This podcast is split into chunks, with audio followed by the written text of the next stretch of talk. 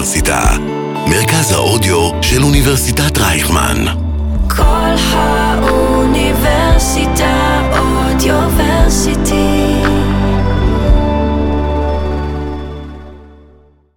שלום אופיר, תודה שהצטרפת. שלום יוסי, כיף להיות פה. אז uh, נתחיל מהבסיס, כמישהי שחוותה את זה כישראלית, סטודנטית ב-Ivy League, מה שנקרא, באוניברסיטאות הבכירות בארצות הברית. איך זה מרגיש להיות ישראלית בקמפוס? Um, אני חושבת שצריך שנייה, קודם כל, צפירת הרגעה. Uh, לא כל הישראלים בקמפוס מותקפים כל הזמן. Uh, אני חושבת שיש הבדל גדול מאוד בין ישראלים, יהודים, פרו-ישראלים שרוצים להזדהות בצורה כזו, או, או לפעול למען מטרות פרו-ישראליות, לבין ישראלים ויהודים שפחות מתעניינים בזה. מלבד אירועים גדולים כמו מלחמות, אלה שפחות מעורבים בזה, רוב הזמן מחליקים מתחת לרדאר. אלה שכן מבקשים להיות מעורבים בעשייה הציונית, אה, זה קצת יותר קשה. אה, אבל גם אז יש אה, גלים ותנודות במבצעים צבאיים, במלחמות, מן הסתם האווירה יותר קשה. סביב שבוע אפרטהייד האווירה מאוד קשה. אבל בכל שאר הזמן זה יותר אירועים נקודתיים, אם עושים אירוע פה, אירוע שם, אה, הפגנות כאלה ואחרות, אבל רוב הזמן, זאת אומרת, שזה חיים. כמו, כמו תגובות נגד כאלה, זאת אומרת, ישראלים או התא הישראלי בקמפוס, you name it, מארגן איזה משהו, באים אנשים מהצד השני, מהמתרס השני, ובעצם מפגינים או מציקים או משהו בסגנון. כן, וגם על דברים שכביכול אה, לא היית חושב שיפגינו. אה, אצלי, בזמן שלי בקולומביה, הפגינו נגד אבא שלי, שהיה אז קונסול ישראל בניו יורק, הקונסול הכללי של ישראל בניו יורק, ובא להרצות, הקימו לו אה, מחסום דמה מחוץ ל... לבניין, כדי, ממש עם טלטלית ועם פלנלית על העיניים, שאלוהים ישמור מאיפה הם הביאו פלנלית עד ניו יורק, אבל בסדר, כדי שהוא לא יוכל להיכנס לבניין. אה, הפגינו נגד טיטי, מלכת היופי, וואלה. לשעבר. אה, שזה, אתה יודע, בן אדם שנראה לי די בקונצנזוס, גם במיינסטרים השמאלני האמריקאי, זאת אומרת, היא אישה, היא שחורה, אה, בת מיעוטים, יפהפייה, חכמה, אה, אבל אה, גם נגדה הפגינו. אז מה את יכולה לספר לנו בעצם על החוויות האישיות שלך כמי שעמדה בעצם בחזית של המאבק נגד האנטי-ישראלים באוניברסיטה? אז קודם כל, אני ממש שמחה שאתה קורא לזה אנטי-ישראלים. אני רואה המון, המון, המון, המון, uh, בתקופה האחרונה, במיוחד כשהנושא הזה עלה לכותרות, שקוראים להם פרו-פלסטינים. ולפני שאני אענה על השאלה שלך, זה באמת משהו שהוא, דיברנו קודם על דברים שהם בנפשנו, וש... פרויקט חיי, אז אולי זה לא פרויקט חיי, אבל זה משהו שמאוד חשוב לי. האנשים האלה הם לא פרו-פלסטינים. הם לא נלחמים כדי שפלסטינים יוכלו להצביע אה, בבחירות לרשות הפלסטינית, והם לא נלחמים כדי שפלסטינים בעזה יקבלו את מנת האוכל שמוקצית להם. הם אנטי-ישראלים, פר אקסלנס, זה מה שהם, הם לא פרו-פלסטינים, זה חשוב. עכשיו, מה הייתה השאלה? איך את בראש, באמת בחוד החנית ובראש התא שעומד נגדם, מה, איך הרגשת, מה עשית, מה היו הפעילויות שהובלת? אז הפעילויות מאוד מגוונות. אני חושבת ש... גם חשוב להבין את קהלי היעד השונים שיש. בדרך כלל אנחנו מדברים רק על הסטודנטים, ששם זה באמת להביא אירועים, להביא מרצים, להביא אה, כל מיני תצוגות לקמפוס, דברים כאלה, אבל יש עוד אה, שני קהלי יעד שאנחנו פחות מדברים עליהם. אחד זה המרצים, והשני זה האדמיניסטרציה. המרצים חשובים כי בסופו של דבר באוניברסיטאות כמו קולומביה, שבה אני למדתי, אה, המרצים הבכירים יש להם קביעות. אה, והם אלה בסוף שעל פיהם יישק דבר. הם מחליטים מה מלמדים, איך מלמדים, יש להם שליטה מלאה על הסילבוס שלהם, הם קובעים איזה ספרים מלמדים. זה יכול להיות לטובה וזה יכול להיות לרעה. אה, לרעה, כמו פרופסור אצלנו שלימד ספר בשם The Invention of the Jews, על איך המציאו את וואו. היהודים. כן, אה, וזה קהל יעד שפחות מדברים עליו. אה, והאדמיניסטרציה, שזה כל הדיקנים, ההנהלה, שגם עליהם לא מדברים כל כך. והעבודה מולם היא לא פחות חשובה מאשר העבודה מול הסטודנטים. אז לשאלתך, בעוד שמול הסטודנטים רוב העבודה היא באירועים, בהפגנות, במיצגים, בדברים כאלה, אה, מול המרצים והאדמיניסטרציה, העבודה היא יותר פגישות אחד על אחד, לנסות ליצור איתם קשרים, לנסות ליצור איתם שיח, אה, לפעמים נעים ולפעמים לא נעים. כאילו, לפעמים, אה, לי עם הדיקנית שלי בתואר הראשון, היה לי קשר נהדר איתה, היינו נפגשות על בסיס אה, לדעתי פעמיים בחודש ומתייעצות, והייתי מספרת לה מה קורה בקמפוס מבחינת אנטישמיות, והיה לה מאוד אכפת. מצד שני, יש אצלנו מרצים, כמו שתיארתי קודם, אה, בצד האנטי-ישראלי, אנטי, אה, אנטי, אנטישמי לפעמים. שאיתם האינטראקציה היא פחות נעימה, אם זה להגיש תלונות נגד אה, דברים שהם כותבים או אומרים. אה, אחד המרצים כאלה באוניברסיטה שבה אני למדתי, היה גם, אה, אה, היה לו טור באל-ג'זירה, באתר, אה, והוא היה כותב דברים מחליאים, באמת אנטישמיים, אה, ו- וזכור לי שפעם אחת הוא שם בפייסבוק שלו איזשהו פוסט מאוד מאוד אנטי-ישראלי, והתמונה שהוא צירף אליו הייתה של אה, איוונקה וג'רד אה, מתחת לחופה. וניסיתי להבין, כי לא היה שום דבר בפוסט שקשור לאיוונקה וג'רד. ואז הבנתי, זה פשוט בגלל שהייתה שם חופה, והייתה שם כיפה, והייתה שם טלית, ויש שם סממנים יהודיים. אז הדברים כאלה גם מתלוננים. זה פשוט נשמע יותר אנטישמיות מאשר אנטי-ישראליות. וזה מוביל לשאלה הבאה שרציתי לשאול אותך, עד כמה את היית מגדירה את מה שקורה באוניברסיטאות כאנטישמיות?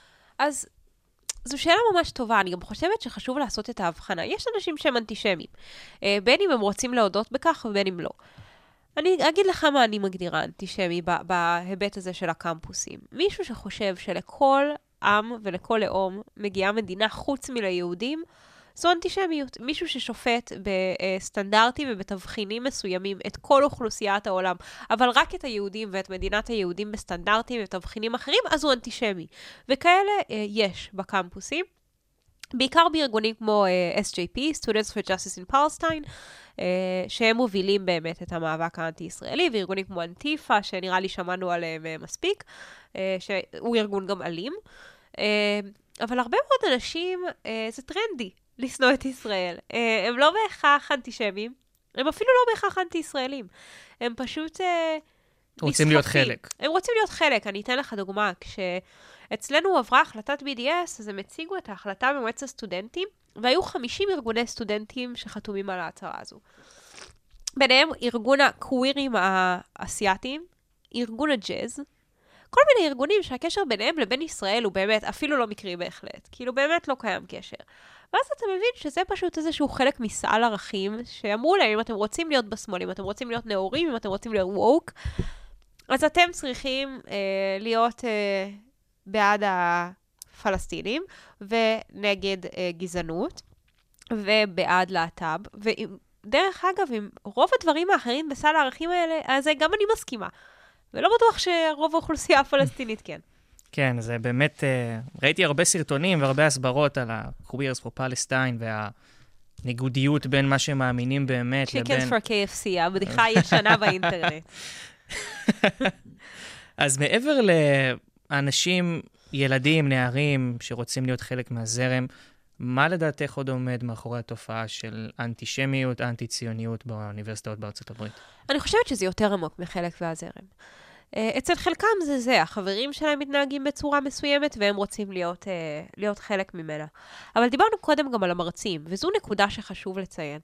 אם יש מרצה, שהוא מרצה בכיר בקולומביה, אחת האוניברסיטאות הטובות uh, בארצות הברית, אם לא בעולם, כן בעולם, אה, קצת לטפוח לעצמי על השכם, אז הם לוקחים ברצינות את מה שהמרצה שלהם אומר, הוא מרצה בכיר באוניברסיטה נחשבת, ואם הוא אומר להם שהיהודים הגיעו מאירופה כדי לדכא את האדם אה, הערבי הש... השחור, חום, לא משנה מה, אה, בארץ רחוקה, ושליהודים אין שום קשר ל... לארץ ישראל, לא יודעת, אם אתה, אתה היית מפקפק בזה, לא בטוחה שאני הייתי מפקפק, מפקפקת בזה, וגם אני אתן לך דוגמה. הייתה איתי סטודנטית באחד הקורסים ממיינמר. ואיזה יום ישבתי איתה שעתיים וחצי לדבר על אה, רצח העם במיינמר. וקרו שם שני דברים. הראשון קשור לענייננו, השני פחות. הראשון שלא כל כך קשור לענייננו, זה שהבנתי כמה אני לא יודעת על רצח העם במיינמר.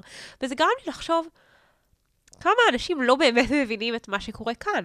עכשיו, זה קל, לי היה קל להתבטא על רצח העם במיינמר, אבל לא באמת ידעתי מה קורה שם. אותו דבר לגבי ישראל. Um, הדבר שיותר קשור אלינו, זה שכשאני סיפרתי לה את התגובות שאני מקבלת uh, מקבוצות אנטי-ישראליות בקמפוס, היא הופתעה. ולמה היא הופתעה? היא אמרה לי, תראי, אני ממיינמר, והיא לא בצד של הטובים, לא של הנטבחים. ולי לא אומרים שום דבר. ולה לא אומרים שום דבר. ואני הייתי בהלם. עליתי בהלם. הבחורה ממיינמר היא בצד של הממשלה, של הצבא, סיפור ארוך מה שהולך, שהממשלה והצבא לא תמיד באותו צד, אבל לא משנה. אה, והיא מעולם לא נתקלה בתגובות כאלה. מעולם. מפתיע. כן? מפתיע ולא מפתיע. נכון. דיברנו על אנטישמיות שמסתווה בתור דברים אחרים. שאתה שופט את כל אומות העולם, כולל במיינמר, לסטנדרט אחד, שבסדר, הם שם שלא שווה לדבר עליהם. ואת היהודים אתה שופט לסטנדרט אחר. אנטישמיות.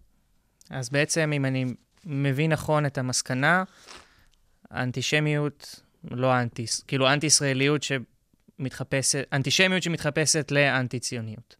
כן, אבל גם חשוב להגיד, אני לא נגד ביקורת על מדינת לא, ישראל. לא, זה, זה ברור. גם לי יש המון ביקורת, אבל הרבה ביקורת שאנחנו שומעים בקמפוסים זה, טוב, אתם לא יכולים להגיד שכל ביקורת על ישראל היא, היא אנטישמיות. זה, לא, לא כל ביקורת על ישראל היא אנטישמיות. להגיד שפוליטיקאי XY מושחת ושמדיניות אה, YZ אה, לא צודקת, זה לא להיות אנטישמי.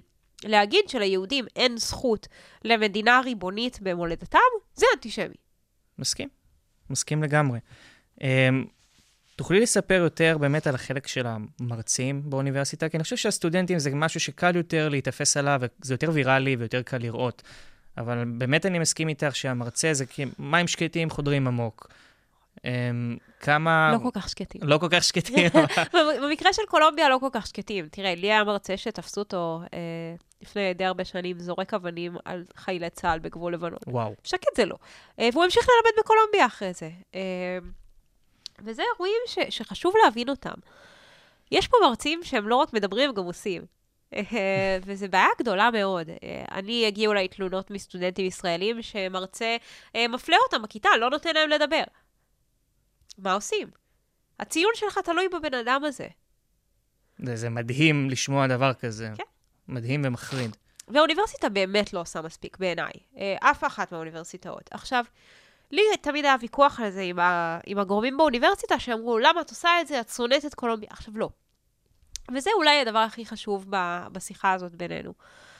אני לא חושבת שסטודנטים פרו-ישראלים באוניברסיטאות, שעושים אה, שיימינג ציבורי לאוניברסיטה שלהם, זה לא מתוך שנאה. לפחות לא אצלי. זה מתוך אהבה. אני אוהבת את קולומביה מאוד, וזה מוסד מדהים.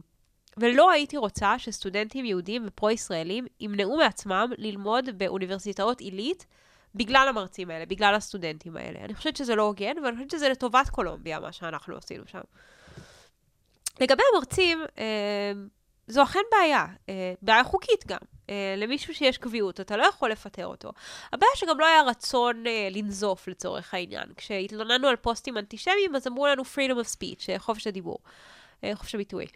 זהו, זה נראה לי פשוט, את יודעת, זה כזה, זה קצה וזה קצה, זאת אומרת, בין לפטר או ובין קביעות, יש הרבה מדרגות באמצע שכן אפשר לנקוט נגד אנטישמיות, נגד אירועים כאלה. נכון, ואני אתן לך גם דוגמה של מרצה אחד שלי, שהוא לא, לא היה בקביעות. אה, בסמסטר הראשון שלי, אני ממש זוכרת את זה, בסמסטר הראשון שלי בקולומביה, אה, לקחתי קורס אסלאם עם פרופסור פקיסטני, והוא הקריא שם, אה, הוא נתן לנו דף עם המון המון ציטוטים מכל מיני מקורות. אחד מהם, האחרון, לא היה כתוב של מי הוא. בדיעבד גילינו שהוא היה של בן לאדן. וואו. מה הוא ניסה לעשות בתרגיל המחשבתי הזה? להגיד לנו, תראו, הוא ניסה שננחש מי אמר את זה, ואז הוא אמר, רואים, זה יכל להיות גנרל אמריקאי, זה יכול להיות זה, זה יכול להיות זה, אבל לא, זה בן לאדן. זה בעצם מלבין את בן לאדן. מ- מלבין את בן לאדן, חד משמעית. וכשאנחנו אמרנו את זה לאוניברסיטה, זה היה כזה, מה, בסדר. וזה נשמע קורה. קצת אה, מובן עכשיו, לדוגמה, הקטע הזה שרץ על המכתב של בן לאדן, אם יש תופעות כאלה ב... נכון. באוניברסיטאות עילית, ש- אז נכון, כשבאוניברסיטה מנרמלים את בן לאדן ואת תורתו. אני אגיד לך שבאותו שיעור היה לי סטודנט יהודי שישב שתי שורות מאחוריי, וכשיצאנו מהשיעור אמר לי, אם אני הייתי אפגני, כנראה הייתי עושה אותו דבר. וזו הסיטואציה שבה מערכת החינוך האמריקאית או האדמיניסטרציה של קולומביה נכשלה. זה ממש אם נראה... סטודנט נורמטיבי יוצא מכיתה ואומר, אני הייתי מוריד את מגדלי התאומים, נכשלנו. Big time. Big time. Big time. זה ממש נראה שגדל פה דור שתפיסת העולם שלו היא מחולקת ממש באפס אפס ואחד. אז כן. באמת נראה שגדל פה דור שבאמת באמת, את יודעת, זה נכון, זה לא נכון, זה שחור, זה לבן, אין אפור באמצע. אין אפור באמצע, ו- יש את הרשעים ויש את הטובים בדיוק, ויש את החלשים בדיוק. והחזקים, והחזק הוא בהכרח הרשע, והחלש הוא בהכרח הצודק. ואנחנו נקלענו לתוך המשבצת של הלבן, המדכא, הכובש, הקולוניאלי. נכון, נכון, בדיוק, בדיוק זה. אה, ואנחנו לא צריכים להיות במשבצת הזאת, אנחנו לא שייכים לשם לא, באופן טבעי. בדיוק, אנחנו לא שייכים לשם בכלל. אנחנו לא שייכים לשם באופן טבעי, ואני חושבת ש... אי אפשר להאשים את זה על העבודה שישראל או ישראלים עושים בקמפוסים. זה, מן הסתם, זה ענף של אנטישמיות שהיה נוצר ככה או ככה, אבל אני חושבת שאנחנו לא פועלים נכון מספיק על מנת להסיר את האיום הזה, וזה איום. זהו, אז השאלה שלי, לפני שנתחיל לגעת בזה, כי זה באמת נראה לי המרכז של השיחה שלנו, כמה את חושבת שהאיום הזה באמת איום על מדינת ישראל? הוא איום. הוא איום אסטרטגי. אני יודעת שזה ככה... כן, נשמע... משפט מפוצץ. איראן איום אסטרטגי, כן, אבל אה... סטודנטים בארצות הברית זה קצת... אוקיי, ואם אני אגיד לך שעוד 20 שנה לא ימירו לכיפת ברזל, זה יותר או פחות מסוכן מאיראן? יותר מסוכן מאיראן. אני לא יודעת אם זה יותר, אבל זה בוודאות לא הרבה פחות. אובמה היה סטודנט לתואר ראשון באוניברסיטה שאני למדתי בה, לתואר ראשון.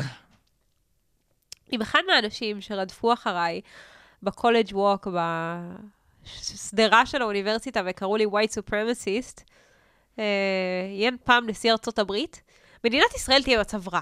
ואנחנו מתחילים לראות את הניצנים של זה עכשיו, עם חברי קונגרס כמו ה-AOC, כמו ראשית הטלאי, אנחנו, אנחנו רואים את זה.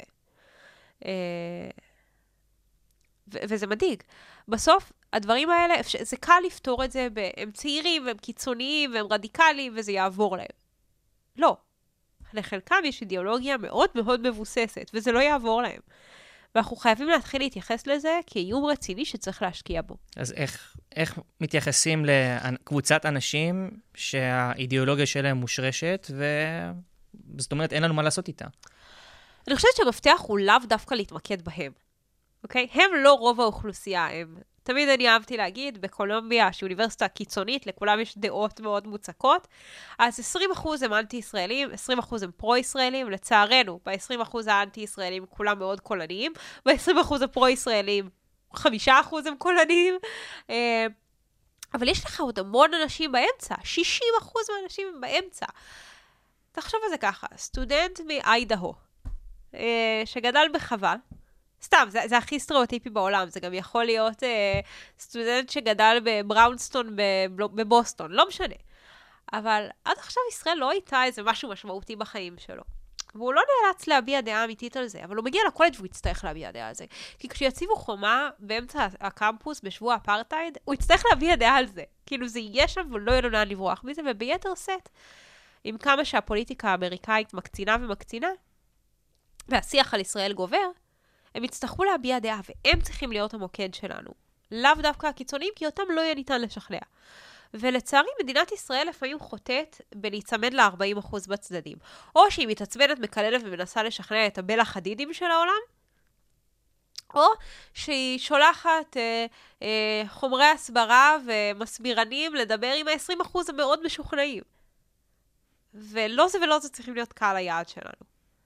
אז אם עכשיו הייתי לא יודע כבר איזה משרד אחראי על מה, אבל אני מניח שמשרד החוץ, והייתי מרים אלייך טלפון, תני לי צעדים, תני לי תוכנית, מה, מה הייתה דעתך? קודם כל, התשובה בגוף השאלה. אתה לא יודע איזה משרד אחראי על זה. זו הבעיה הקמאית, הראשונית, החשובה ביותר. זה נשמע מצחיק, אבל זה לא. לסטודנט פרו-ישראלי היום בקמפוס, שהוא רוצה לקבל עזרה ממדינת ישראל, הוא לא יודע למי לפנות. למי הוא פונה? למשרד ההסברה, למשרד לנושאים אסטרטגיים, למשרד החוץ, למשרד המלחמה ב-BDS של שיקלי? למי אתה פונה? קודם כל, שיהיה ברור למי פונים. ומעבר למי פונים על זה, מי, למי יש את הסמכות על זה? כי בסוף, אתה יודע איך אומרים, יש מלא אנשים שיש להם את המשימה ואף אחד לא עושה אותה כי הוא חושב שהשני יעשה. וזה הסיטואציה פה. הדבר השני שאני רוצה להגיד, ובעיניי הוא קריטי, זה שצריך לעשות חלוקת אחריות מחודשת בין המדינה לחברה האזרחית. אני יודעת ש-BDS זה סקסי.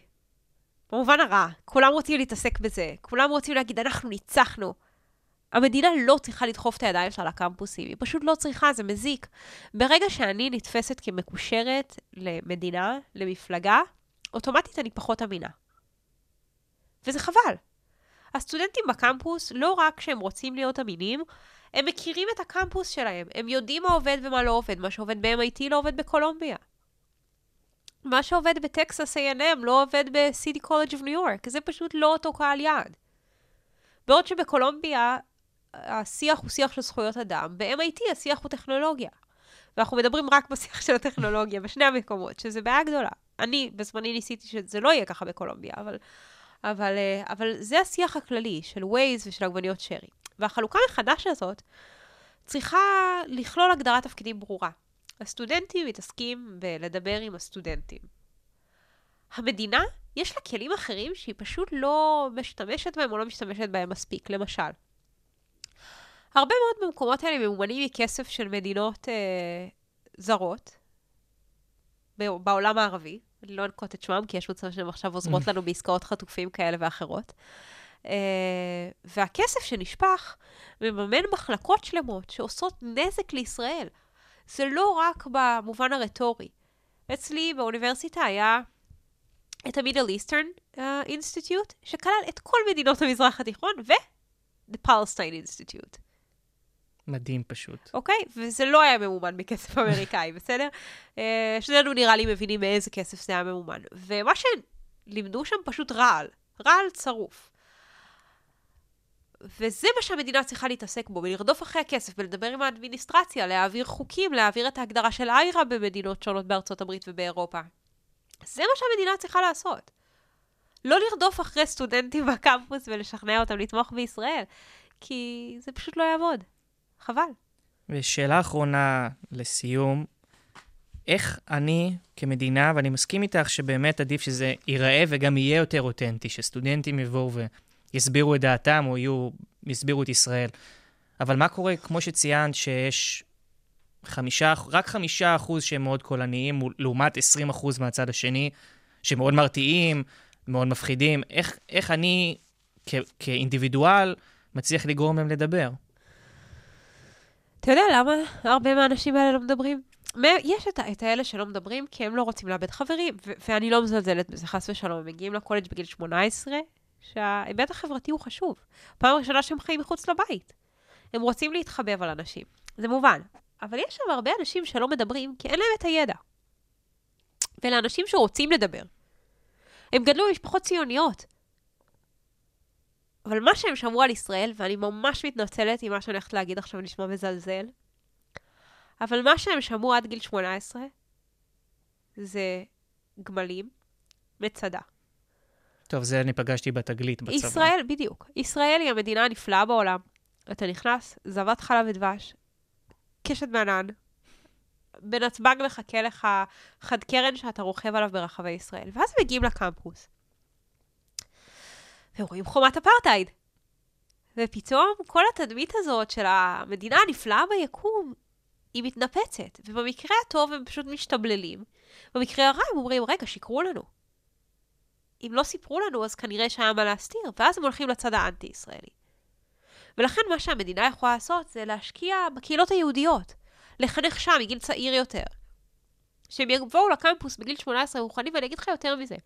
כשאני הייתי בניו יורק, יצא לי לעשות הרבה הרצאות לקהילות, לבני נוער, להורים, והם, החבר'ה שם שלא לומדים בבתי ספר יהודיים, שזה די הרבה, כי בתי ספר יהודיים הם אה, דבר יקר מאוד, נתקלים באותם הדילמות בדיוק גם בתיכונים שלהם, וגם בחטיבות ביניים. אין גיל מוקדם מדי להתחיל לדבר על זה, וזה מה שהמדינה יכולה וצריכה לעשות.